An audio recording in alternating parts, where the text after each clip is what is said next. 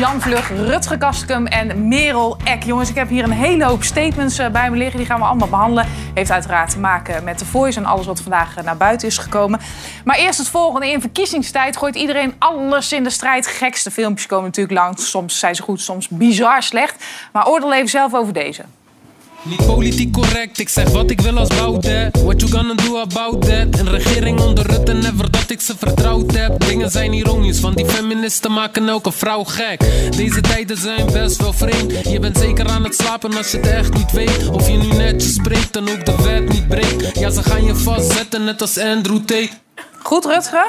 Goed ja, of niet? Ja, het wordt voor mensen die satire bedrijven op tv heel moeilijk. Hè? Nu. Het is bijna niet, eh, niet te doen. Dit is al satire eigenlijk. Ja. Is niet te evenaren, waar je Nee, zeggen. je kun je niks mee, kun je niet parodi- parodiëren, niks. Nee, Hij want dat is ook gerapt, hè, Baudet? Daar is, daar, daar is ook Ja, maar dan zijn we een half uur verder. Dus Ja, we dachten, dat- we kort het in tot dit. Eh, maar wie probeert hij hier, hiermee te bereiken? Ja, jeetje. Eh, mensen die eh, eh, denken dat het inderdaad allemaal een complot is. Of, of jongeren. Ik, we- ik heb eigenlijk geen idee. En meestal is het een hele luie manier om jongeren te bereiken. Hè? Van, we moeten jongeren bereiken, laten we gaan rappen en laten we op TikTok gaan. Ja, vind je het lui? Trappen ze wel in. ja, die jongeren denken natuurlijk, oh, dus die oude meneer die aan het rappen is. Ja, maar zo, oud is wel hij toch een hele nog niet? mooie... Wat? Zo oud is hij toch nog voor niet? TikTok? Ja, voor TikTok wel. Met een daar ben ik blij stropdas. mee. Zit jij nog op TikTok eigenlijk, Jan, of niet? Eh, nee, ik zit niet op TikTok. Nee, dat heb je even overgeslagen. We zitten hier best wel in een eh, redelijk sociale setting. Hè? Voel jij je op je gemak, Fidan? Eh, ja hoor. Iedereen denkt nu, oké, wat is er aan de hand? Ja, nee, je hebt een Maar column je- geschreven natuurlijk voor eh, Telegraaf Vrouw magazine. Ja, klopt. En de kop is: het sociale leven gaat tegen mijn natuur in. Ik kan niet meer. Is het zo lastig, de sociale omgeving? Nou, het is misschien wel een beetje ehm, overdreven, maar ik, ik kan me wel heel ongemakkelijk voelen in eh, grote groepen. Daar gaat het over. Dat ik me dan helemaal geen houding weet aan te nemen en bijna altijd de verkeerde dingen zeg of totaal onhandig ben. Valt het jou nooit op dat ik heel laat naar de tafel kom en heel, en heel snel vertrek ook na een uitzending? Nou, dat, dat, dat heeft daarmee te maken. Jij, jij bent goed, goed in uh, small talk. Ik ben heel slecht in. eh, Ja. ja. Is dat herkenbaar hier voor mensen? In een grote groep terechtkomen, die mensen die je niet kennen, die denken: oeh, ongemakkelijk. Ja? Iedereen loopt nu weg. Niemand durft nu iets te zeggen. Ja, nee, het was een leuk column. Dus een aanrader om, eh, om te lezen. Dankjewel. Goed, we gaan eh, ter zake. Het Openbaar Ministerie gaat Ali B. en Jeroen Rietbergen vervolgen voor seksueel misbruik. Bij de Voice of Holland. Marco Borsato wordt niet vervolgd vanwege gebrek aan bewijs. Januari 2022 komt presentator Tim Hofman met schokkende onthullingen over de misstanden bij The Voice of Holland. Tientallen vrouwen beschuldigen onder andere Jeroen Rietbergen, Ali B. en Marco Borsato van seksueel grensoverschrijdend gedrag. Justitie start een strafrechtelijk onderzoek. Nu, ruim een jaar na dato, komt het Openbaar Ministerie met een aanklacht. We hebben uitvoerig onderzoek gedaan en uit dat onderzoek is gebleken dat er voldoende bewijs is om twee mannen te vervolgen voor zedenfeiten. Het OM heeft het hier over Jeroen Rietbergen en Ali B. Zij worden vervolgd voor verkrachting of aanranding in de zaak rond talentenshow The Voice of Holland. Marco Borsato wordt voor zijn gedrag bij The Voice niet vervolgd. Daar is uit onderzoek gebleken dat er geen aanvullend bewijs is naast de verklaring van de aangever. Dat betekent dat er juridisch onvoldoende bewijs is. Hiermee heeft het OM in alle zaken rondom The Voice of Holland besloten of er wel of niet vervolgd gaat worden.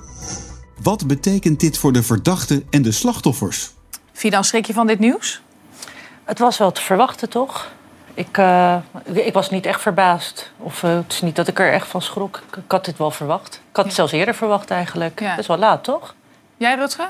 Jij verbaasd of geschrokken? Eh, nou ja, het was nog wel af te wachten of er vervolging, tot vervolging wordt overgegaan natuurlijk. En eh, dat dat nu zo is, vind ik wel heel heftig, ja. Ja. Eh, en, eh, en, en verder is het eigenlijk een tussenstand volgens mij. En eh, is het nog steeds onder de rechter en moeten we nog steeds afwachten.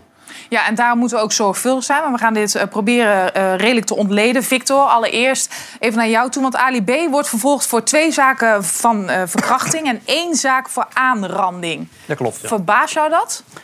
Nou ja, het zijn allemaal zaken die één op één zijn gebeurd natuurlijk. Hè. Hoewel een van die gevallen waren wel meer mensen bij, geloof ik. Dus dan zullen ze wel getuigen gevonden hebben. Maar twee geval- gevallen van verkrachting en één van aanranding, dat, is, dat klopt, ja. Ja, nou heeft hij een statement afgegeven en die luidt als volgt. Eh, op Instagram. Hij is blij, het gaat dus over Ali B. Hij is blij dat een zaak die in de boze uitzending prominent aan de orde kwam, is geseponeerd. Verder zegt hij verbaasd te zijn dat hij in de andere zaken wel wordt vervolgd. Zanger laat weten in gesprek te zijn met eh, de vrouwen die aangifte hebben gedaan. En deze gesprekken lopen en zijn zeer waardevol. Oftewel mediation. Jan, hoe sta jij daarin? Nou, mediation is altijd de mogelijkheid. Je kunt het altijd aanbieden. Advocatuur biedt dat natuurlijk vaak aan omdat je je wil je, wil, je welwillend opstellen. In heel veel van die zaken is het juist de slachtoffer die daar eh, geen zin in hebben. Het, mij lukt het bijna nooit om eh, aan mediation te beginnen. En als je, zelfs als je een geslaagd mediation traject hebt, dan is daarmee niet de strafzaak van de baan. Hè? Dan kun je misschien later bij de rechter zeggen: ja, maar we hebben het uitgepraat. Maar dan kun je nog steeds gewoon straf krijgen. Ja, is dat dus een het is- het is mooi. Nou, geen afleidingsmanoeuvre. Dus goede wil tonen. En eh, eh, misschien ook wel dat je... Dat, eh, je hebt natuurlijk ook mensen die wel inzien dat ze, dat ze fout zijn geweest... en dat uit willen praten. Hè, dus het kan, het kan inderdaad wel met de beste bedoelingen... Maar het betekent voor de strafzaak niet dat het daarmee overgesluiten is... van nou, dan krijg je nog een taakstrafje en dat was het dan. Ja, geef je daarmee toe dat je eigenlijk fout zit als je aan mediation start? Ja, dat zou ik niet willen zeggen. Maar als je, als je spijkerhard zegt, er is nooit iets gebeurd... dan zou je ook niet aan mediation beginnen, Nee. zou ik zeggen. Nee. Victor, ehm, Jeroen Rietbergen die wordt vervolgd na een aangifte van Nienke Wijnhoven. Zij deed openlijk dus haar verhaal, hè? dat Ja. was bij Bo. Ja. Wat zou Jeroen volgens de aanklacht gedaan hebben?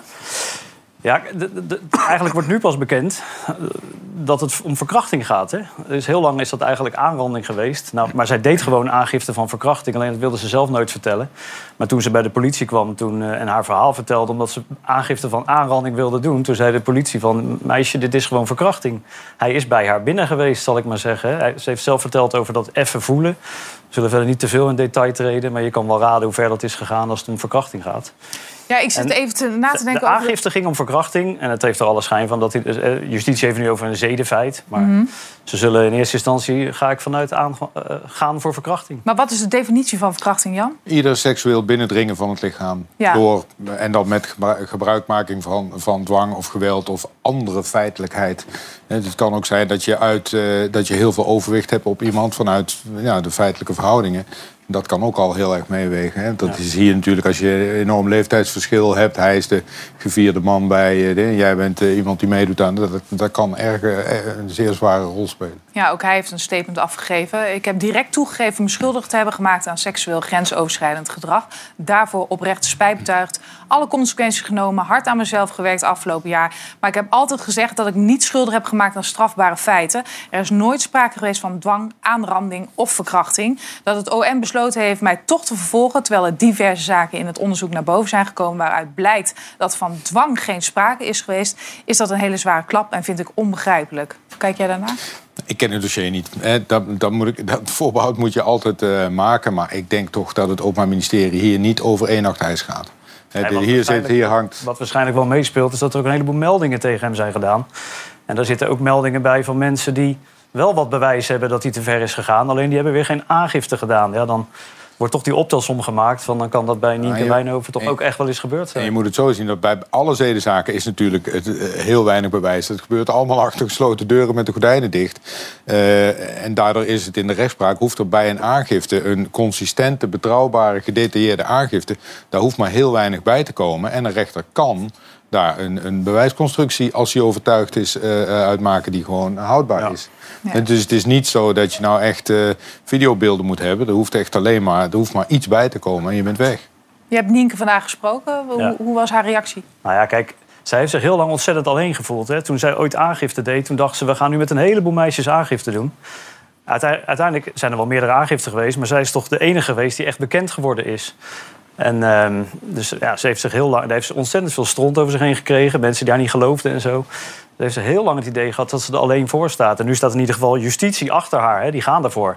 Ja. En dat is al een enorme opluchting. Ze hebben ook altijd gezegd, nou ja, dan komt er maar vrijspraak. Kan nog natuurlijk, hè, bij de rechter kan nog vrijspraak worden. Maar justitie gaat er in ieder geval voor. En die staan in ieder geval nu achter mij. Dus dat gevoel van ik sta er alleen voor, dat is ze kwijt. En ik heb er meerdere keren gesproken. En ja, ik, als je haar spreekt, haar verhaal is gewoon ook heel oprecht. Dat kan je verder geen conclusies uit trekken. Ik ga Jeroen Rietberg hier niet veroordelen.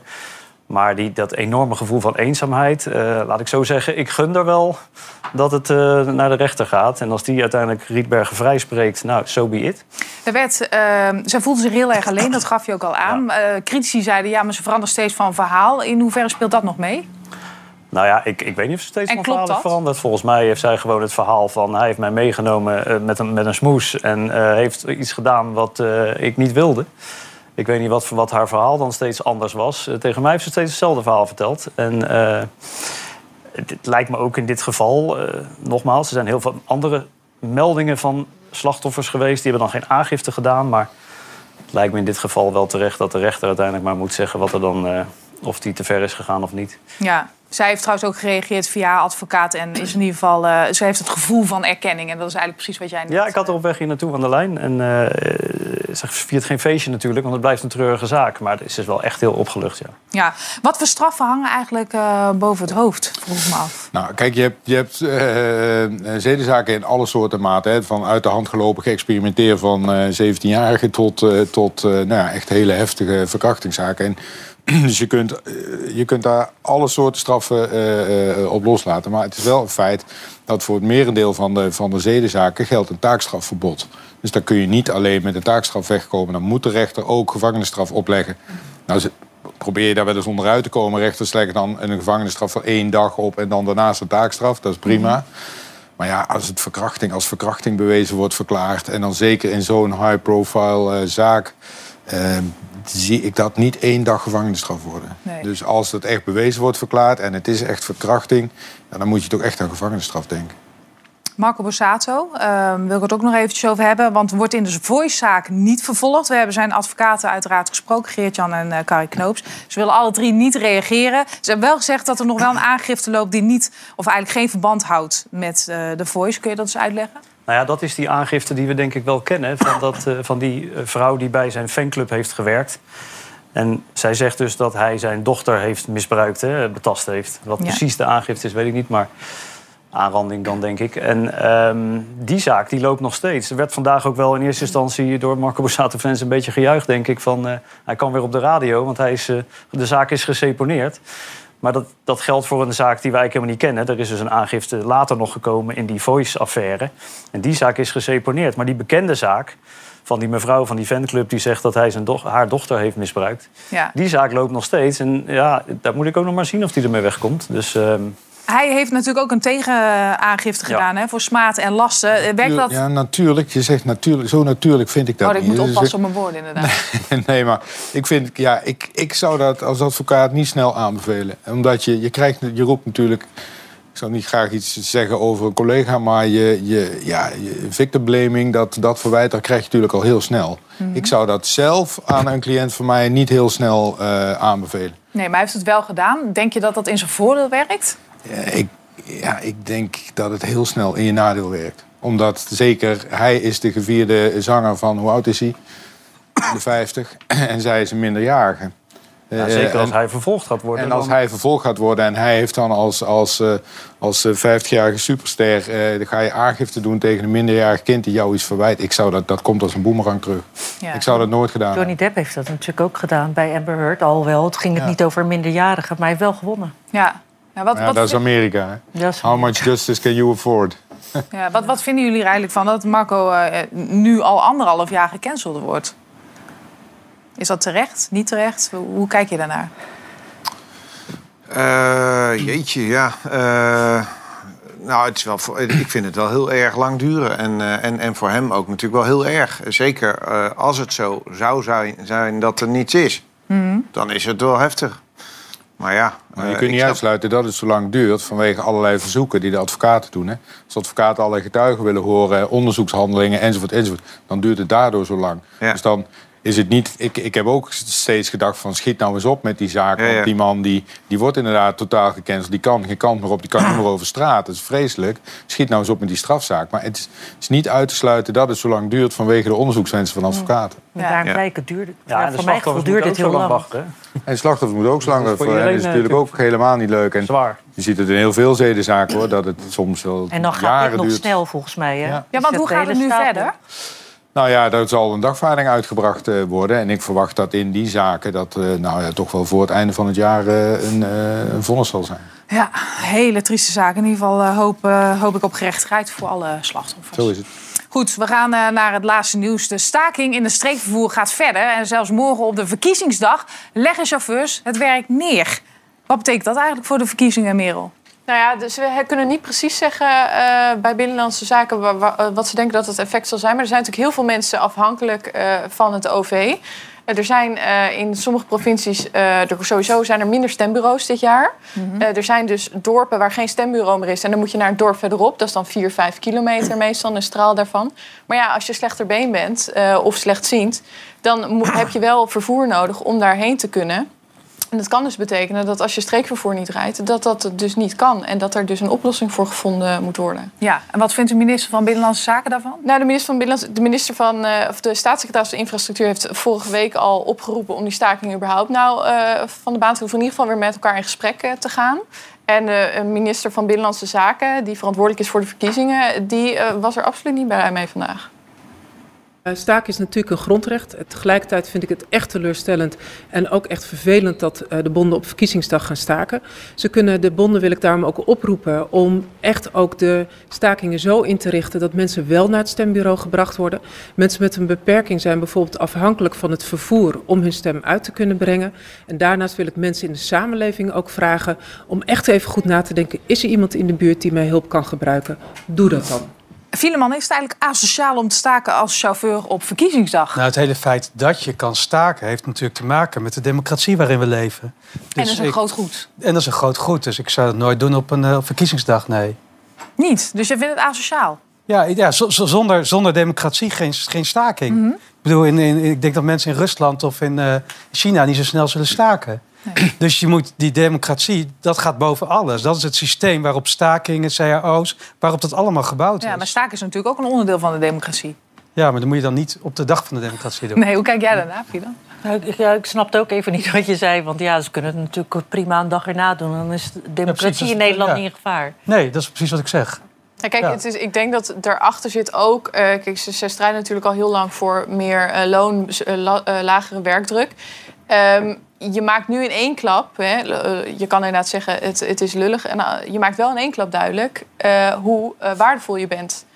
voor heel veel mensen. Op, een, op een inderdaad op een manier waarvan je zou kunnen zeggen... ja, dat is lullig voor de mensen. Maar de bonden hebben nu wel gezegd... we gaan, zorgen, we gaan proberen dat er alternatieven zijn voor mensen die dat nodig hebben. FNV die start een, een telefoonlijn, geloof ik, morgen, die je kan bellen. Als je ergens naar een stembureau moet. CNV die eh, gaat een eh, formulier online eh, kun je invullen om te laten weten dat je iets nodig hebt en waar je heen moet. En dan gaan ze dat proberen met hun eigen leden op te lossen en te kijken of ze die mensen dan toch alsnog naar een stembureau kunnen. Ah, er wordt wel gedacht in Er was oplossingen. ooit een partij die eh, een paar jaar geleden die dan eh, het heft in eigen hand neem en die nam en die dan met bussen mensen ging ophalen. Ja, dat was, in- was de Partij voor de Arbeid. Die nu in een identiteitscrisis is beland. Is dat zo? Eh, maar goed, die gingen dus. Maar er was ook heel veel kritiek op. Want ja, want Ja. dan ga je als PvdA-bus mensen ophalen. Ja. dan weet je wel wat er in die bus gebeurt natuurlijk. Ja. Dat weet ik niet. Nou ja, dan ga je natuurlijk gaan, gaan de petjes op. Even als P van de A erin. Ja. Ja. ja. Toch? Nou, ze hebben nu in, eh, eh, volgens mij Drenthe, Groningen en Utrecht hebben ze stemtaxis. Dat zou- waren ze sowieso van plan. Dus dan kun, moet je een uur van tevoren bellen. eh, van, hey, ik wil stemmen, kun je, kun je me opkomen halen? En dan komt er een stemtaxi ophalen en die brengt je dan naar een eh, stembureau. Hartstikke goed. Hebben jullie gekeken gisteren? Only in Nederland. Hebben jullie gekeken? VI? Ja, dan weet je Ja. toch meteen dat ik het daarover heb. Ja, Ja. tuurlijk. Heel veel mensen keken er naar uit. Mark Rutte aan tafel bij Vandaag in Strijd. Anderhalf miljoen mensen hebben het gezien. En dat is een record. Er was veel twijfel of hij het zou doen. Mark Rutte bij Vandaag Insight. Maar hij komt. En de messen zijn geslepen. Mark Rutte gaat weg aan het eind van deze uitzending, dames en heren. Het is bij deze voor Hij elkaar. maakt het denk ik vanavond bekend hoor. Ik denk het ook, ja. Ja, ja, ja, ja. Einde oefening. Ach, Eerlijk is eerlijk, de heren halen alles uit de kast. Nou, ik vind namelijk, eh, kijk, als je zo'n rapport krijgt, dan blijft alleen de dictator van een bananenrepubliek zitten, maar niet een fatsoenlijke minister-president van een beschaafd land. als je in het bedrijfsleven zulke fouten hebt gemaakt als jij hebt gemaakt, dan moet je toch gewoon vertrekken. Maar ja, Teflon Mark laat zich niet zo snel in de hoek zetten. Er zijn gelukkig ook Nederlanders die zeggen... we geven die man wel de kans om problemen op te lossen. Zelfs vragen over seks brengen de premier niet uit zijn evenwicht. Jongen, ik kan je geruststellen, ik weet wat het is. eh, maar je weet dat? ook... Ja, ja, ja. Oh, maar ik... En- en heren, ja! Er zijn mensen die het doen en het er niet over hebben. En er zijn mensen die het er heel veel over hebben en het niet doen. Dat klopt. En dan deelt Rutte de genadeklap uit. Er is geen fatsoenlijk rechtsalternatief in Nederland. Ik heb met een hele Dan grote stem je dus groep... gewoon VVD weer. Exact. Nou, dank je. Nee, ja nee. Nu, nu met de... Nu met de... Wint Rutte zetels na zijn optreden in Vandaag Inside? Ja, je genoten, Rutger? Ja, heel erg. Ja. Wat fascinerende televisie. Ik heb, daar echt, ik heb het ook nog een keer teruggekeken zelfs. ja, ik eh, vind ook dat die mannen het echt... eh, want, want, ja, eigenlijk doen ze het natuurlijk nooit goed. Ik zat Twitter ook wel even te kijken. En dan worden ze ook aangevallen. Omdat ze dan eh, niet aardig tegen hem zijn. Of dat ze maar, dus je doet het daar nooit goed. Maar ik vind eigenlijk dat deze drie mannen zich verschrikkelijk goed hadden voorbereid. En er alles aan hebben gedaan om het geluid wat we veel horen in de samenleving... om dat bij hem neer te leggen. En niet één keer. maar gewoon vier, vijf keer. Met Rob Knoepert. Die was er ook Ja, bij. ja, nou ja, daar had ik nog wel één dingetje bij. Ja, hij noemde hem Rob, hè? Ja, Rob Knoepert. Ja. Maar ik had één, dat, psychopaten, dacht ik van, nou ja... Dat was dat ik dacht, nou, dat hoefde misschien dan niet. Maar eh, ik, ik vond het verder wel echt een ijzersterke uitzending. Maar wat vond je zo fascinerend? Want daar begon je mee. Nou ja, wat ik fascinerend vond was dat eh, het was dus eigenlijk dus drie tegen één. Hè? En daar was het ook wel eens gewoon de hoogste tijd voor bij Mark Rutte, vond ik. Dat mocht best wel eens een oneerlijke strijd zijn. Ehm, maar dat je wel zag dat hij eh, op zijn Mark Rutte zich daar tussendoor glibberde en bewoog. Maar als je goed naar zijn gezicht keek, Mhm. ehm, ik heb hem nog nooit zo uit, uit het lood geslagen gezien als in die uitzending. Was ik, hij uit zijn comfortzone ik heb, toe? hem wel, ik heb hem echt aan zijn gezicht gezien dat hij daar niet lekker zat. Heb jij hij- dat ook gezien? Ik vond het juist wel meevallen. Ja? Ik had het idee dat hij continu de regie had. Want wat deden zij? Ze gingen natuurlijk allemaal kogels op hem afvuren. Dan deze tien kogels tegelijkertijd. Van, je hebt dit niet goed gedaan. Dit. Dan pakte hij één kogeltje eruit en dan ging zeggen... nee, maar dat klopt niet, want ik heb dit, dit, dit wel goed gedaan. Mhm. Dus hij hield wel heel erg de regie over, altijd. ja, over het gesprek. En dat doet hij zo ontzettend briljant. En hij is er, als je, als je nooit van deze mannen gehoord zou hebben... en je zou de tv aanzetten, zou je denken... wat doen die mensen lelijk tegen die aardige meneer. En dat, ik, ik, het is echt een schoolvoorbeeld van hoe je een interview af moet geven. Maar dat juichen de hele tijd hè, voor Mark Rutte, dat was natuurlijk, gro- vond ik goed gevonden. Was misschien een keertje te veel, maar dat, heb je, dat weet je, het is ook live uitzending. Maar eh, eh, eh, daar vond ik hem erg ongemakkelijk in. Lekker over de top, ja. Ja, nee, maar ik vond daar, daar heb, ik- zag ik aan Rutte. Ik heb ook één keer Rutte wel zien afdwalen naar zijn voorlichtingsteam. Dat hij dacht: wat is dit? Wat zit ik hier? Fidan, hoe heb jij gekeken? Want jij hebt eerder wel eens gezegd... ja, politie aan tafel, dat is altijd lastig. Want die hebben een ingestudeerd praatje. Het uh, Rutte-interview is gewoon moeilijk. Ik moet Ja. zeggen dat ik hier vragen voor... Nou, heb je helemaal gelijk in vragen voorbij zag komen... waarvan ik dacht, nou, die heb ik niet eerder gehoord. Dus dat is gewoon echt wel leuke televisie. Maar aan de andere kant is en en. Hij liet zich inderdaad niet makkelijk eh, in een hoek zetten. En dat is weer Rutte. En dat vind ik dus ingewikkeld. Die man die laat zich gewoon niet zo makkelijk Nee. pakken. Overigens vind ik het ook weer ongemakkelijk om dit dan nu te zeggen... net een dag voor de verkiezingen. Want ik zag de dag erna alweer eh dat de BBB en de VVD... allemaal stukjes uit eh, de uitzending knippen... en dan zeggen, oh kijk, Rutte gaat op de VVD stemmen. En dan Caroline weer die zegt... oh nee hoor, eh, hij heeft gezegd dat hij op BBB gaat stemmen. Maar Johan Johan, ja, ze hadden dit stukje Ja. van dat hij een hand gaf... en daar hebben, heeft de VVD Ja. hem uitgezet. Maar direct daarna zegt Johan Derksen... maar dat geldt niet voor de Provinciale Staten... want daar stem ik gewoon BBB en ik Ja. kom in de knel eh, landelijk. Tuurlijk, maar dat, ze zetten ze spannen dat gewoon, gewoon voor hun karretje. En dat vind ik dan weer heel surrealistisch. Heeft hij de zetels mee gewonnen, denk je? Ja, nou, dat zouden we eigenlijk Nou, aan, dat heb ik toevallig eh, met Jort Kelder, een goede vriend van eh, Mark Rutte, besproken twee dagen geleden. En die zei, de, ze weten bij de VVD ook, dat bij dit soort eh, pelotons, zeg maar, dat vuren op de VVD, dat het eigenlijk alleen maar zetels oplevert. Er is dus een hele duidelijke reden voor hun geweest om daar ook zo te gaan zitten. En zij weten natuurlijk ook dat Rutte dit kan en dat hij daar heel goed in is. Maar dat de hele tijd vuren, vuren op de VVD schijnt eh, een, een, een winst aan zetels op te leveren. Heb jij gekeken, Jan? Je bent heel nee. stil. Ik heb stukjes, eh, stukjes eh, gezien. En ik moet zeggen van... Ik heb wel ook gezien wat jij hebt gezien. Ik vond dat Rutte er af en toe echt niet fris bij zat te kijken. Die vond het niet leuk. Nee. Eh, en dat is heel zeldzaam. Hè? Want ik, eigenlijk, ja, je zit te smachten naar iemand die die man eens een keer... eh, dat hij, hij schijnt enorm boos te kunnen worden. Nou, willen we een keer zien. Ja, ja, ja, maar we- het zat op het randje, had Dus, ik eh, soms het nou, ik- gevoel. ja, dat klopt. Maar ik, ik ben, ik ben juist Ja, die, ja. Ik ben die aardige man, die ben ik zo zat. Dat studenticoze, die studenticoze, maar ik kan hem niet meer zien. Nee, natuurlijk, want hij liegt net zo makkelijk en het staal en staalhard. Maar denk daarover- toch ook wel dat veel mensen denken van... oké, het is natuurlijk niet makkelijk om daar te zitten. Maar wie moet het dan doen? Maar, hij- Eh, maar hij durft dat het wel. is het een beetje. Maar heb jij, ook, niet- heb jij dan niet, als je daarnaar zit te kijken... dat hij dan dat met die hand doet, hè?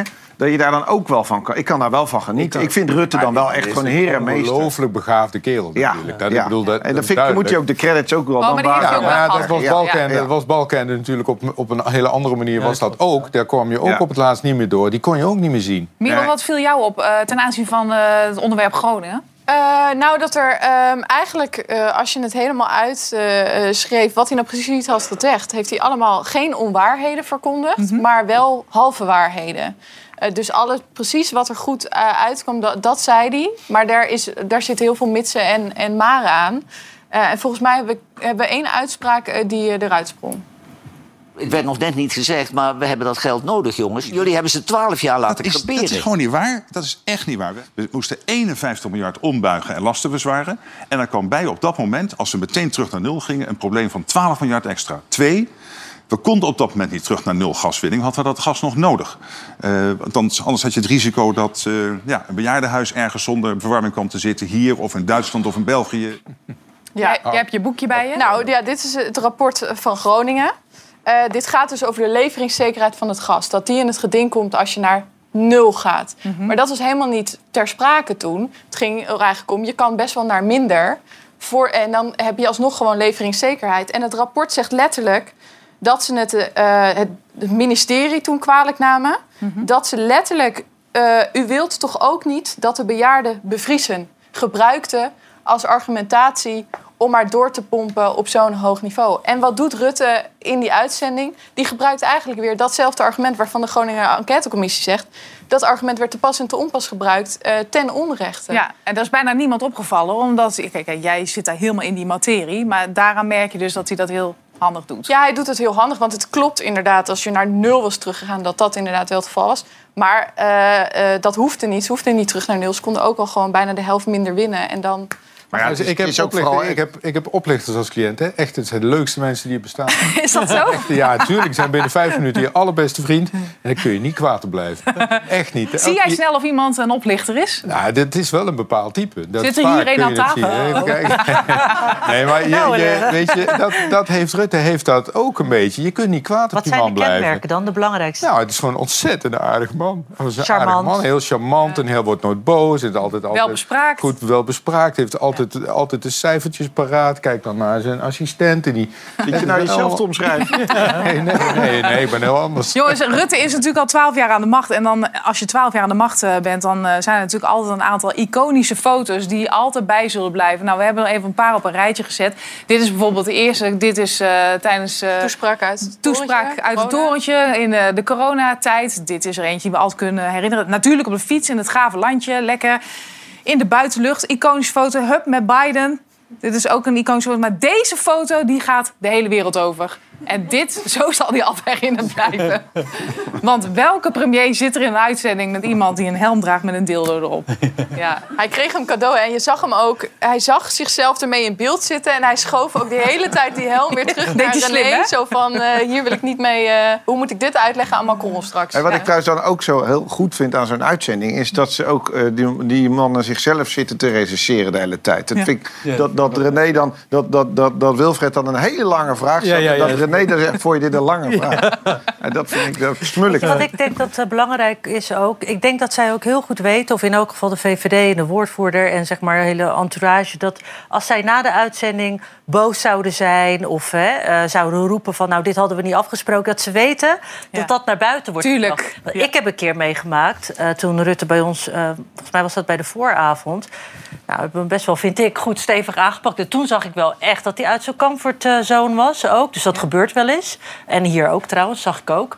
En toen zei die woordvoerder na afloop wel... eh, dit was niet de afspraak, eh, staat Ja. genoteerd. Ja, dus dan is het niet Rutte die er wat van zegt... maar dan Ja. is het de woordvoerder. En zij weten dat ze dat bij talkshows, veel talkshows, kunnen maken. Ja. Omdat die willen natuurlijk dat hij graag Maar weer en dat komt. is de reden, denk En ik, dat is waarom slecht. als iedereen, als elke talkshow dat gewoon op tafel legt... Eigenlijk moet dat. Dan is die, dan is die macht we- weg en dan heb je niet meer dat ze het is kunnen overal, zeggen... jij- Ja, daarom blijf ik het ook gewoon want jij zeggen. zal er ook mee te maken hebben. Ik heb er wel eens meegemaakt met een voorlichter van de minister... die dan zegt, nee, je mag hem niet aanspreken als hij de ministerraad binnenkomt lopen. En dan denk ik, ja, wie Ja, maar ben dat jij? zeg je dan toch? Ja. Kijk, want, want Maar dan doe ik dat en dan krijg ik alsnog daarna die voorlichter naar mijn redactie. En die zegt, dat hadden we toch niet afgesproken? Ik zeg, ja, ben je helemaal gek geworden? Rutger niet bellen hoor. Nee, nee, Nee, dat zoveel- kan toch ook zoveel niet? mogelijk Maar naar buiten brengen. Precies, heeft gewoon RTL ook dat verkiezingsdebat niet gedaan. Hè? Omdat ze, ze, die wilden die, ze hebben de- alleen maar dat gezeur over die linkse wolk. Daar hadden ze gewoon geen zin in. Nou ja, en er werden heel veel eisen op tafel. ja, allerlei eisen op tafel. Dus we, nou, dan doen we het niet. Nou, wij leggen de ik- komende drie weken alles op tafel. eh, want dan schrijven we ermee uit. Dus eh, dat maakt mij niet uit. Dus pas op wat je Oh, zegt na de uitzending. Goed, we hebben aan ons panel gevraagd... wie van deze twee kwam nou eigenlijk eh, als winnaar uit de bus? Is dat Mark Rutte of is dat Johan Derksen? Nou kijk, afgetekend. Johan Derksen, 70% komt als winnaar uit de bus... tegenover eh 30%. Goed, er komt een eh, heel ander onderwerp, jongens. Een databank voor messen. Dit vanwege het groeiende aantal messenbezitten en steekincidenten onder jongeren. Het ministerie van Justitie zag dat twee jaar geleden al en lanceerde een spotje dat jongeren moest verleiden hun mes in te leveren. Drop je knife en doe wat met je life. Veel effect heeft dat niet gehad. In 2019 waren er nog 33 aanhoudingen van minderjarigen met een mes op zak. Het afgelopen jaar waren dat er maar liefst 355. En die messen worden ook gebruikt. Alleen vorig jaar al waren er zeker 70 steekincidenten met minderjarigen. Het Nederlands Forensisch Instituut begint nu met een databank waarin elk mes dat op straat in omloop is, wordt geregistreerd. Na een steekpartij kan het NFI dan beter bepalen welk soort mes is gebruikt. Helpt een databank tegen messengeweld? Jan, wat hebben we hier in hemelsnaam aan? Ja, wat hebben we hier aan? Eh, nou, kijk, een, eh, een bepaald mens laat een bepaald spoor achter als je iemand eh, steekt. Daar kun je, daar kun je als je met zo'n kartelrand eh, steekt, dat laat een hele andere wond na dan wanneer je met een, met een scherpe punt eh, steekt. Eh, die messen, die zijn vaak, vooral die jungle messen, daar zitten coatings op. En die coatings die laten sporen achter op slachtoffers. Bepaalde messen zijn heel populair binnen bepaalde groepen jongeren. Hè, die drillrap culturen, jeugdbendes en weet ik het wat. Eh, dat, dat weten ze eh, bij justitie, welke messen. Dus als je dan een bepaald spoor vindt op een, iemand die neergestoken is... dan zou je dat naar een bepaald mes en van het mes eh, naar een bepaalde groep kunnen herleiden. Dus het is, in de opsporingen is het heel nuttig. Maar ik denk ook dat het in de statistiek heel nuttig is. Hè, om te kijken van waar lopen met name minderjarigen... waar komt dat vandaan dat die allemaal met dit soort spul in de zak lopen... Ja. Ja, want er, zijn ook een, er is ook een aantal moorden gepleegd. Hè. Die, in Den Haag bijvoorbeeld, die snackbar-eigenaar... twee 15-jarige meisjes, die steken die man dood. Dat is echt eh, totaal waanzinnig. Maar kun je zoeken naar eh, een groep als je het vermoeden hebt dat die vaker dat, wa- of dat, dat wapen daar gaat en, en, en jij ziet Ja. dat... Het, Kennelijk, dat schijnt zo te zijn. Dat, je, dat zeg maar, bepaalde groepen een voorkeur hebben voor een bepaald eh, mes. Ja, dus mes kun je terug herleiden naar Ja. een bepaalde groep. Niet in alle gevallen. Nee, maar is dat juridische aanleiding genoeg om dan ook te gaan zoeken in die groep? Eh, waarom niet? Ja hoor. Ja, je, kunt, kijk, eh, je hebt bewijs, dat moet allemaal eh, rechtmatig vergaard zijn. Maar je mag natuurlijk eh, qua zoeken om te rechercheren, mag je doen wat je wil. Ja. We gaan eventjes naar Mohamed Teri. Fijn dat je er bent. Ja. Jij bent eh, persoonlijk begeleider van kwetsbare jongeren. Je kent het wereldje, je komt van de straat. Ervaringsdeskundige. En de afgelopen periode hebben een aantal jongeren hun wapens bij jou ingeleverd. Wat voor wapens waren dat? Eh, ja, dat waren, meestal zijn het Rambo-messen, dus die je net eh, op het scherm zag staan, zeg maar. En, eh, dus even kijken, dat is dat nummer twee, is dat. Eh, Ja. Die zie je vaak eh, terugkomen en stiletto's. Eh, en boot-knives. Dus, dus knives die je eigenlijk in je, je, ja, je leger eh, boot zet. Dus die zijn heel kort en eh, die zie ik heel vaak ook terug. Omdat dat praktisch is. Ja, dat heel klinkt heel is. gek Ja, natuurlijk. ja, heel praktisch en Maar makkelijk mee te Waarom hebben ze ze bij jou ingeleverd? Ja, ik merk ook wel dat heel veel jongens ja, bezig zijn met, met hun toekomst. En dat ze merken als ze te lang in dat straatcultuurtje blijven, dat ze dan ook geen toekomst meer hebben. En sommige jongens willen het leger in, sommige willen het politie in. Dus ja, als je, als je daar één keer wordt gepakt en een strafblad hebt, dan kom je daar niet meer, eh, ja, niet meer voor in aanmerking. Nee, wat doe je vervolgens met die wapens? Eh, ja, meestal in samenspraak met, eh, met de ketenpartners kijken we wat we kunnen doen. Soms bij het politiebureau kunnen we het inleveren. Soms bij het oud ijzer als het gaat om ja, wapens die niet binnen de wapens- en munitiewet vallen. En ja, we kijken altijd naar een oplossing. En ook ja, we kijken naar het cliënt of voor, ja, voor zo min mogelijk problemen voor de cliënt. we altijd in samenspraak kijken wat we kunnen doen. Maar zijn het altijd gevaarlijke criminelen? Want dat is het eerste dan wat bij me opkomt die zo'n mes bij zich hebben. Of zijn het juist hele andere types. Eh, ja, je, kan het eh, omschrijven als eh, ja, gevaarlijke jongens. Ze kunnen gevaarlijk zijn natuurlijk. Maar ook vaak merk je ook wel dat het jongens zijn die, eh, die een rugtasje hebben. Of PTSS, of, eh, of in de jeugdzorg hebben gezeten. Eh, die hebben allemaal een rugzak. En eh, vanuit onveiligheid eh, ge- ja, ge- gebruiken ze een mes. En eh, nemen ze dat ook mee. Ja, nou, is- dat kan gevaarlijk zijn inderdaad als je met een mes loopt. Want ja, het klinkt een beetje duf hoor, maar hoe komen Ja. ze aan die wapens? Ik snap ook wel dat je het gewoon kan kopen. Maar niet alle wapens kun je zomaar kopen. Eh, nee, ja, je hebt, eh, tegenwoordig heb je Telegram. Eh, dat is een app wat je kan gebruiken. En, daar, daarin wordt heel veel verhandeld. En tegenwoordig heb je ook via het internet, dark web... dat het ook gewoon bij je thuis bezorgd kan worden. Dus ja. Hoe groot is het probleem, als je het zo kan omschrijven? Ehm, ja, het probleem, het, het, het is een groot probleem. want je merkt wel echt wel dat, ja, dat jongeren nog steeds het gevoel hebben dat ze onveilig zijn. En ook jongeren die eigenlijk helemaal niks met groepen te maken hebben of jeugdbendes. Als ze daarmee omgaan, ja, dan hebben ze wel het idee van... Ja, als ik met die jong- jongens omga, dan moet ik ook wel een eh, mes bij me hebben. Want stel als het een keer verkeerd gaat. Ja. Eh, heb je eigenlijk eh, oplossingen, behalve dan praten, wat je net zei, om het wapenbezit te beperken bij deze jongeren? Ja, ik denk dat vanuit school denk ik, ik denk ja, het onderwijs is natuurlijk wel overbelast, maar ik denk vanuit onderwijs dat het echt wel belangrijk is om, om te gaan kijken van ja, wat, wat kan de school aan doen? Misschien na, na schoolactiviteiten, sport. Eh, ik denk dat jongerenwerk ook eh, ja, meer op school betrokken kan worden. Om te kijken van oké, eh, wat is de dagbesteding, wat voor sociaal netwerk hebben de jongeren? Dat is denk ik heel erg belangrijk en dat is denk ik wel een, soort oplossing waar we naartoe kunnen werken. Ja, toen wij dit onderwerp gingen voorbereiden, toen dacht ik, nou, dat zal vooral in de Randstad. Weet je, Amsterdam, Rotterdam, Den Haag. Ja. Blijkt helemaal niet zo te zijn. In het zuiden is het net zo erg. In, in het oosten is het, is het erg. Ehm, maar is dit nou de oplossing, denk je, Jan? Het Zo'n is- databank. Het, het is een deel van de, een deel van de oplossing. Eh, kijk, dit, dit, dit, is cultuur. Eh, het is kennelijk binnen, binnen jeugdgroepen is het cultuur om met dit soort wapens rond te lopen. Je ziet, het zijn vaak inderdaad beperkte jongens, hè, of eh, eh, nou ja, zwakbegaafd, of eh, inderdaad uit de jeugdzorg die ook elkaar beroven. Eh, jeugdbendes die elkaar in de haren vliegen enzovoort. En het gebeurt inderdaad overal. Ik dacht ook, ja, je denkt op de een of andere manier onmiddellijk aan, aan het westen van het land. Hè.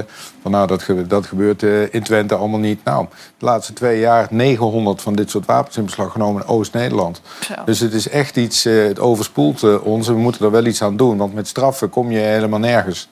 Nee, want dat, dat werkt alleen maar statusverhogend bij dit soort jongens. Je moet echt met ze in gesprek van waarom doe je dit? Ik en zie wat, jou knikken. Hè, wat zijn de gevolgen? Jeugdzorg, ja. Ja. Jeugdzorg. Maar ja, Ja. ook daar hebben we te weinig mensen. Ja. En bij de politie. En daarom vroeg ik me af, we stoppen veel energie in die databank. Kunnen we niet beter energie steken in werven van politie, Ja, jeugdzorg? allebei.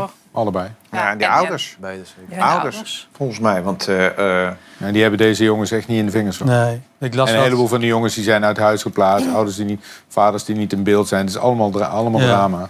Ja. Goed, zometeen dan eh, gaan we het over iets anders hebben, namelijk het weer. Weerexperts houden hun hart namelijk vast. In het zuiden van Europa is het nu al meer dan 30 graden en er zijn bosbranden. Amara Owuku die vertelt eh, ons zometeen of dit het nieuwe normaal is. Tot. Zo,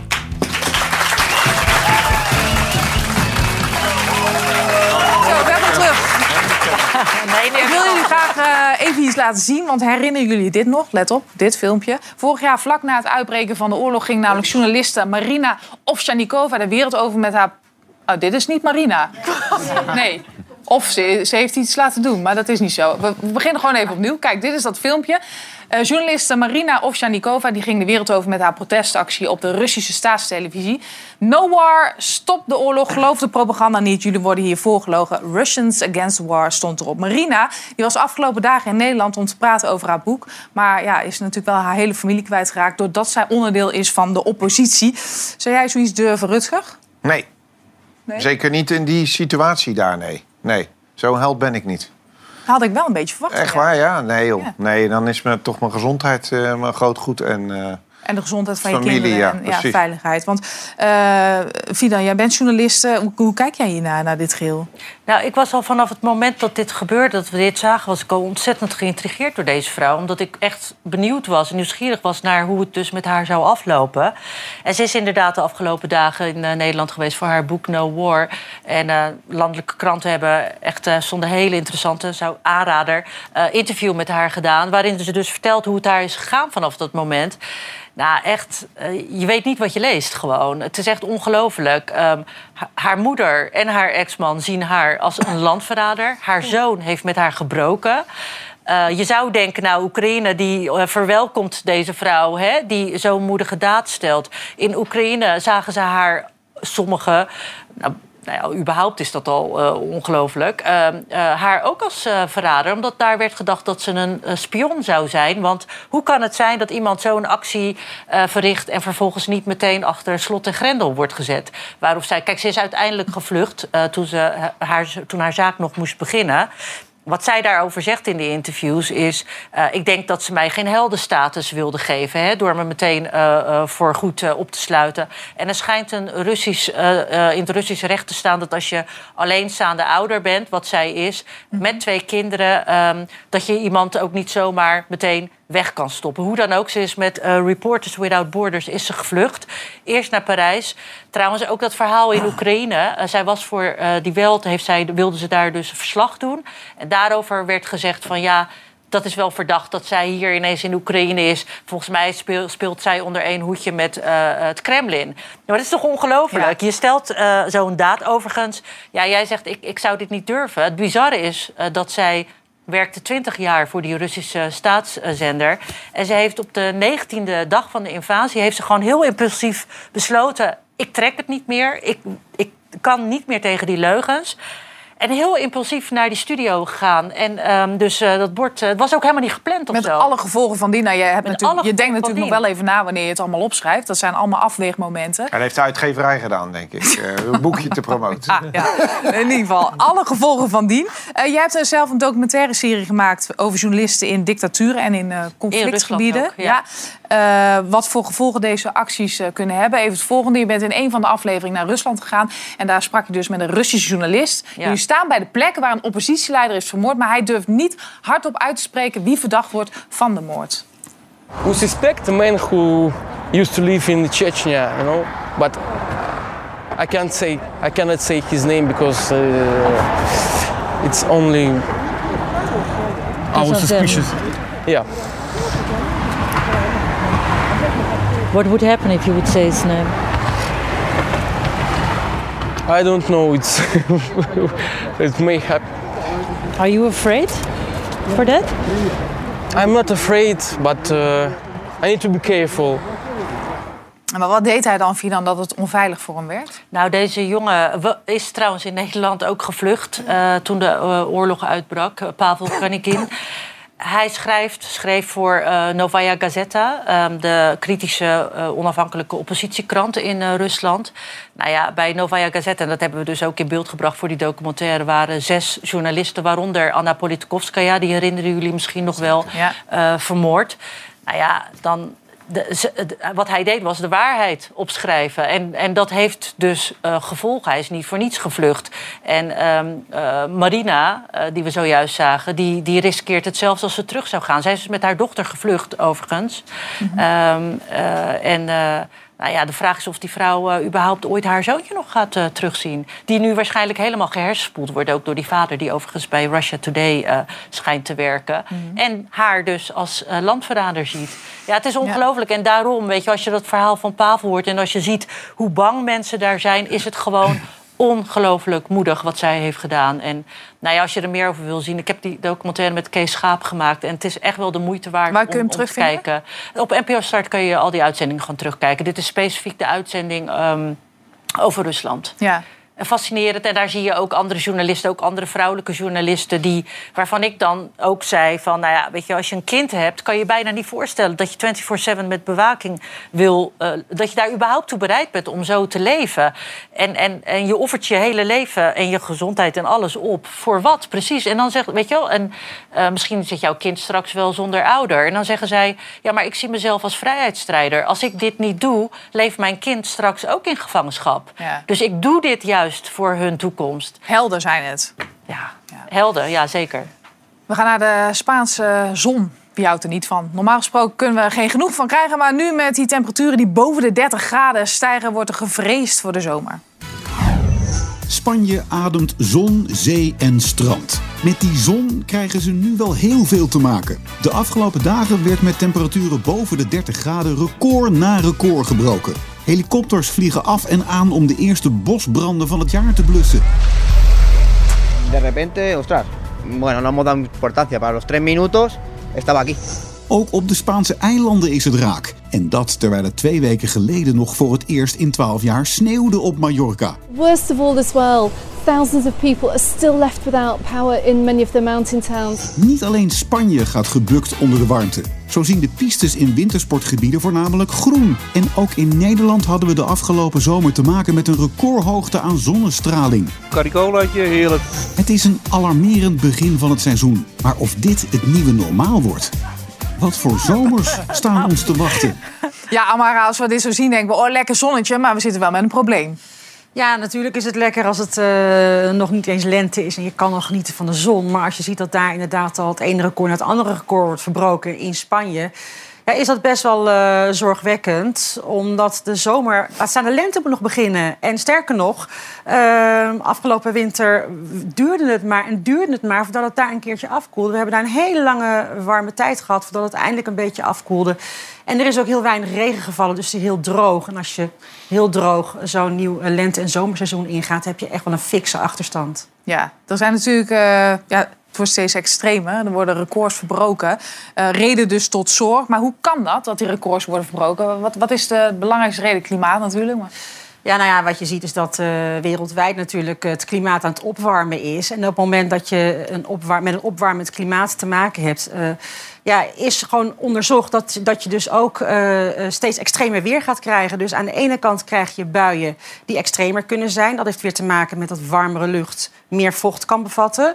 Dus als er dan een bui valt, ja, dan valt het ook keihard. De verschillen zijn vaak ook heel groot. Op de ene plek valt heel veel, op de andere plek valt eh, maanden niks, kan zo zijn. Ja. En bovendien, als water heel snel valt, heel veel valt, dan spoelt ook een groot deel bovenlangs weg. Dus dan kan de natuur er ook heel weinig aanspraak op maken. Ja. Dus het weer wordt gewoon extremer. En naast extreme eh, buien heb je dus ook dat er extreme droogtes gaan voorkomen. En ook vaak meer zon. Ja, verwacht je dat ook in Nederland? Oftewel, hoe worden de zomers hier?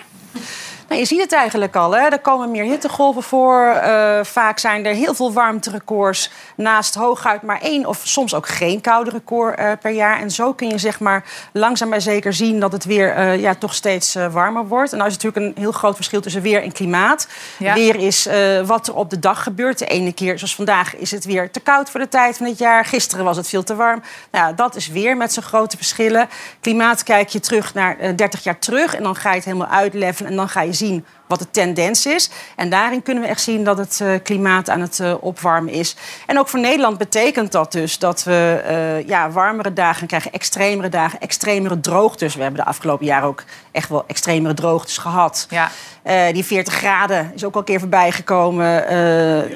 Ja, precies. Dus in die zin, die rivierstanden van het afgelopen jaar is natuurlijk bizar. We hebben vaker tornado's, extreem weer komt echt vaker voor. Dus stemmen op de waterschappen. Toch? Ja, nou ja, dat is echt een ondergesneeuwd onderwerp. Want iedereen heeft het over de, over de verkiezingen in de provincies en zo. Maar iedereen vergeet die waterschappen, wat net zo belangrijk is. En zeker de laatste tijd. Want eh, Nederland werd altijd gezien als kikkerlandje... eh, waarin we alleen maar het water moesten afvoeren. Maar we moeten nu ook gaan kijken hoe we slim watermanagement eh, kunnen regelen. Dus ik zou zeggen, kijk naar die provincie. Doe even zo'n kieswijzer. En ga morgen vooral ook eventjes stemmen op de waterschap. Heel goed, dankjewel eh, Amara. Het zit erop voor nu. We gaan taart eten, want Jan heeft taart meegebracht. En goed gebak, dus daar gaan we lekker aan zitten. Iedereen bedankt hier aan tafel en daar aan de bar. Eh, morgen dan zit Sam hier en die zit met Fred Teven, Frans Duits en Wim Daniels. Dankjewel allemaal. Bye.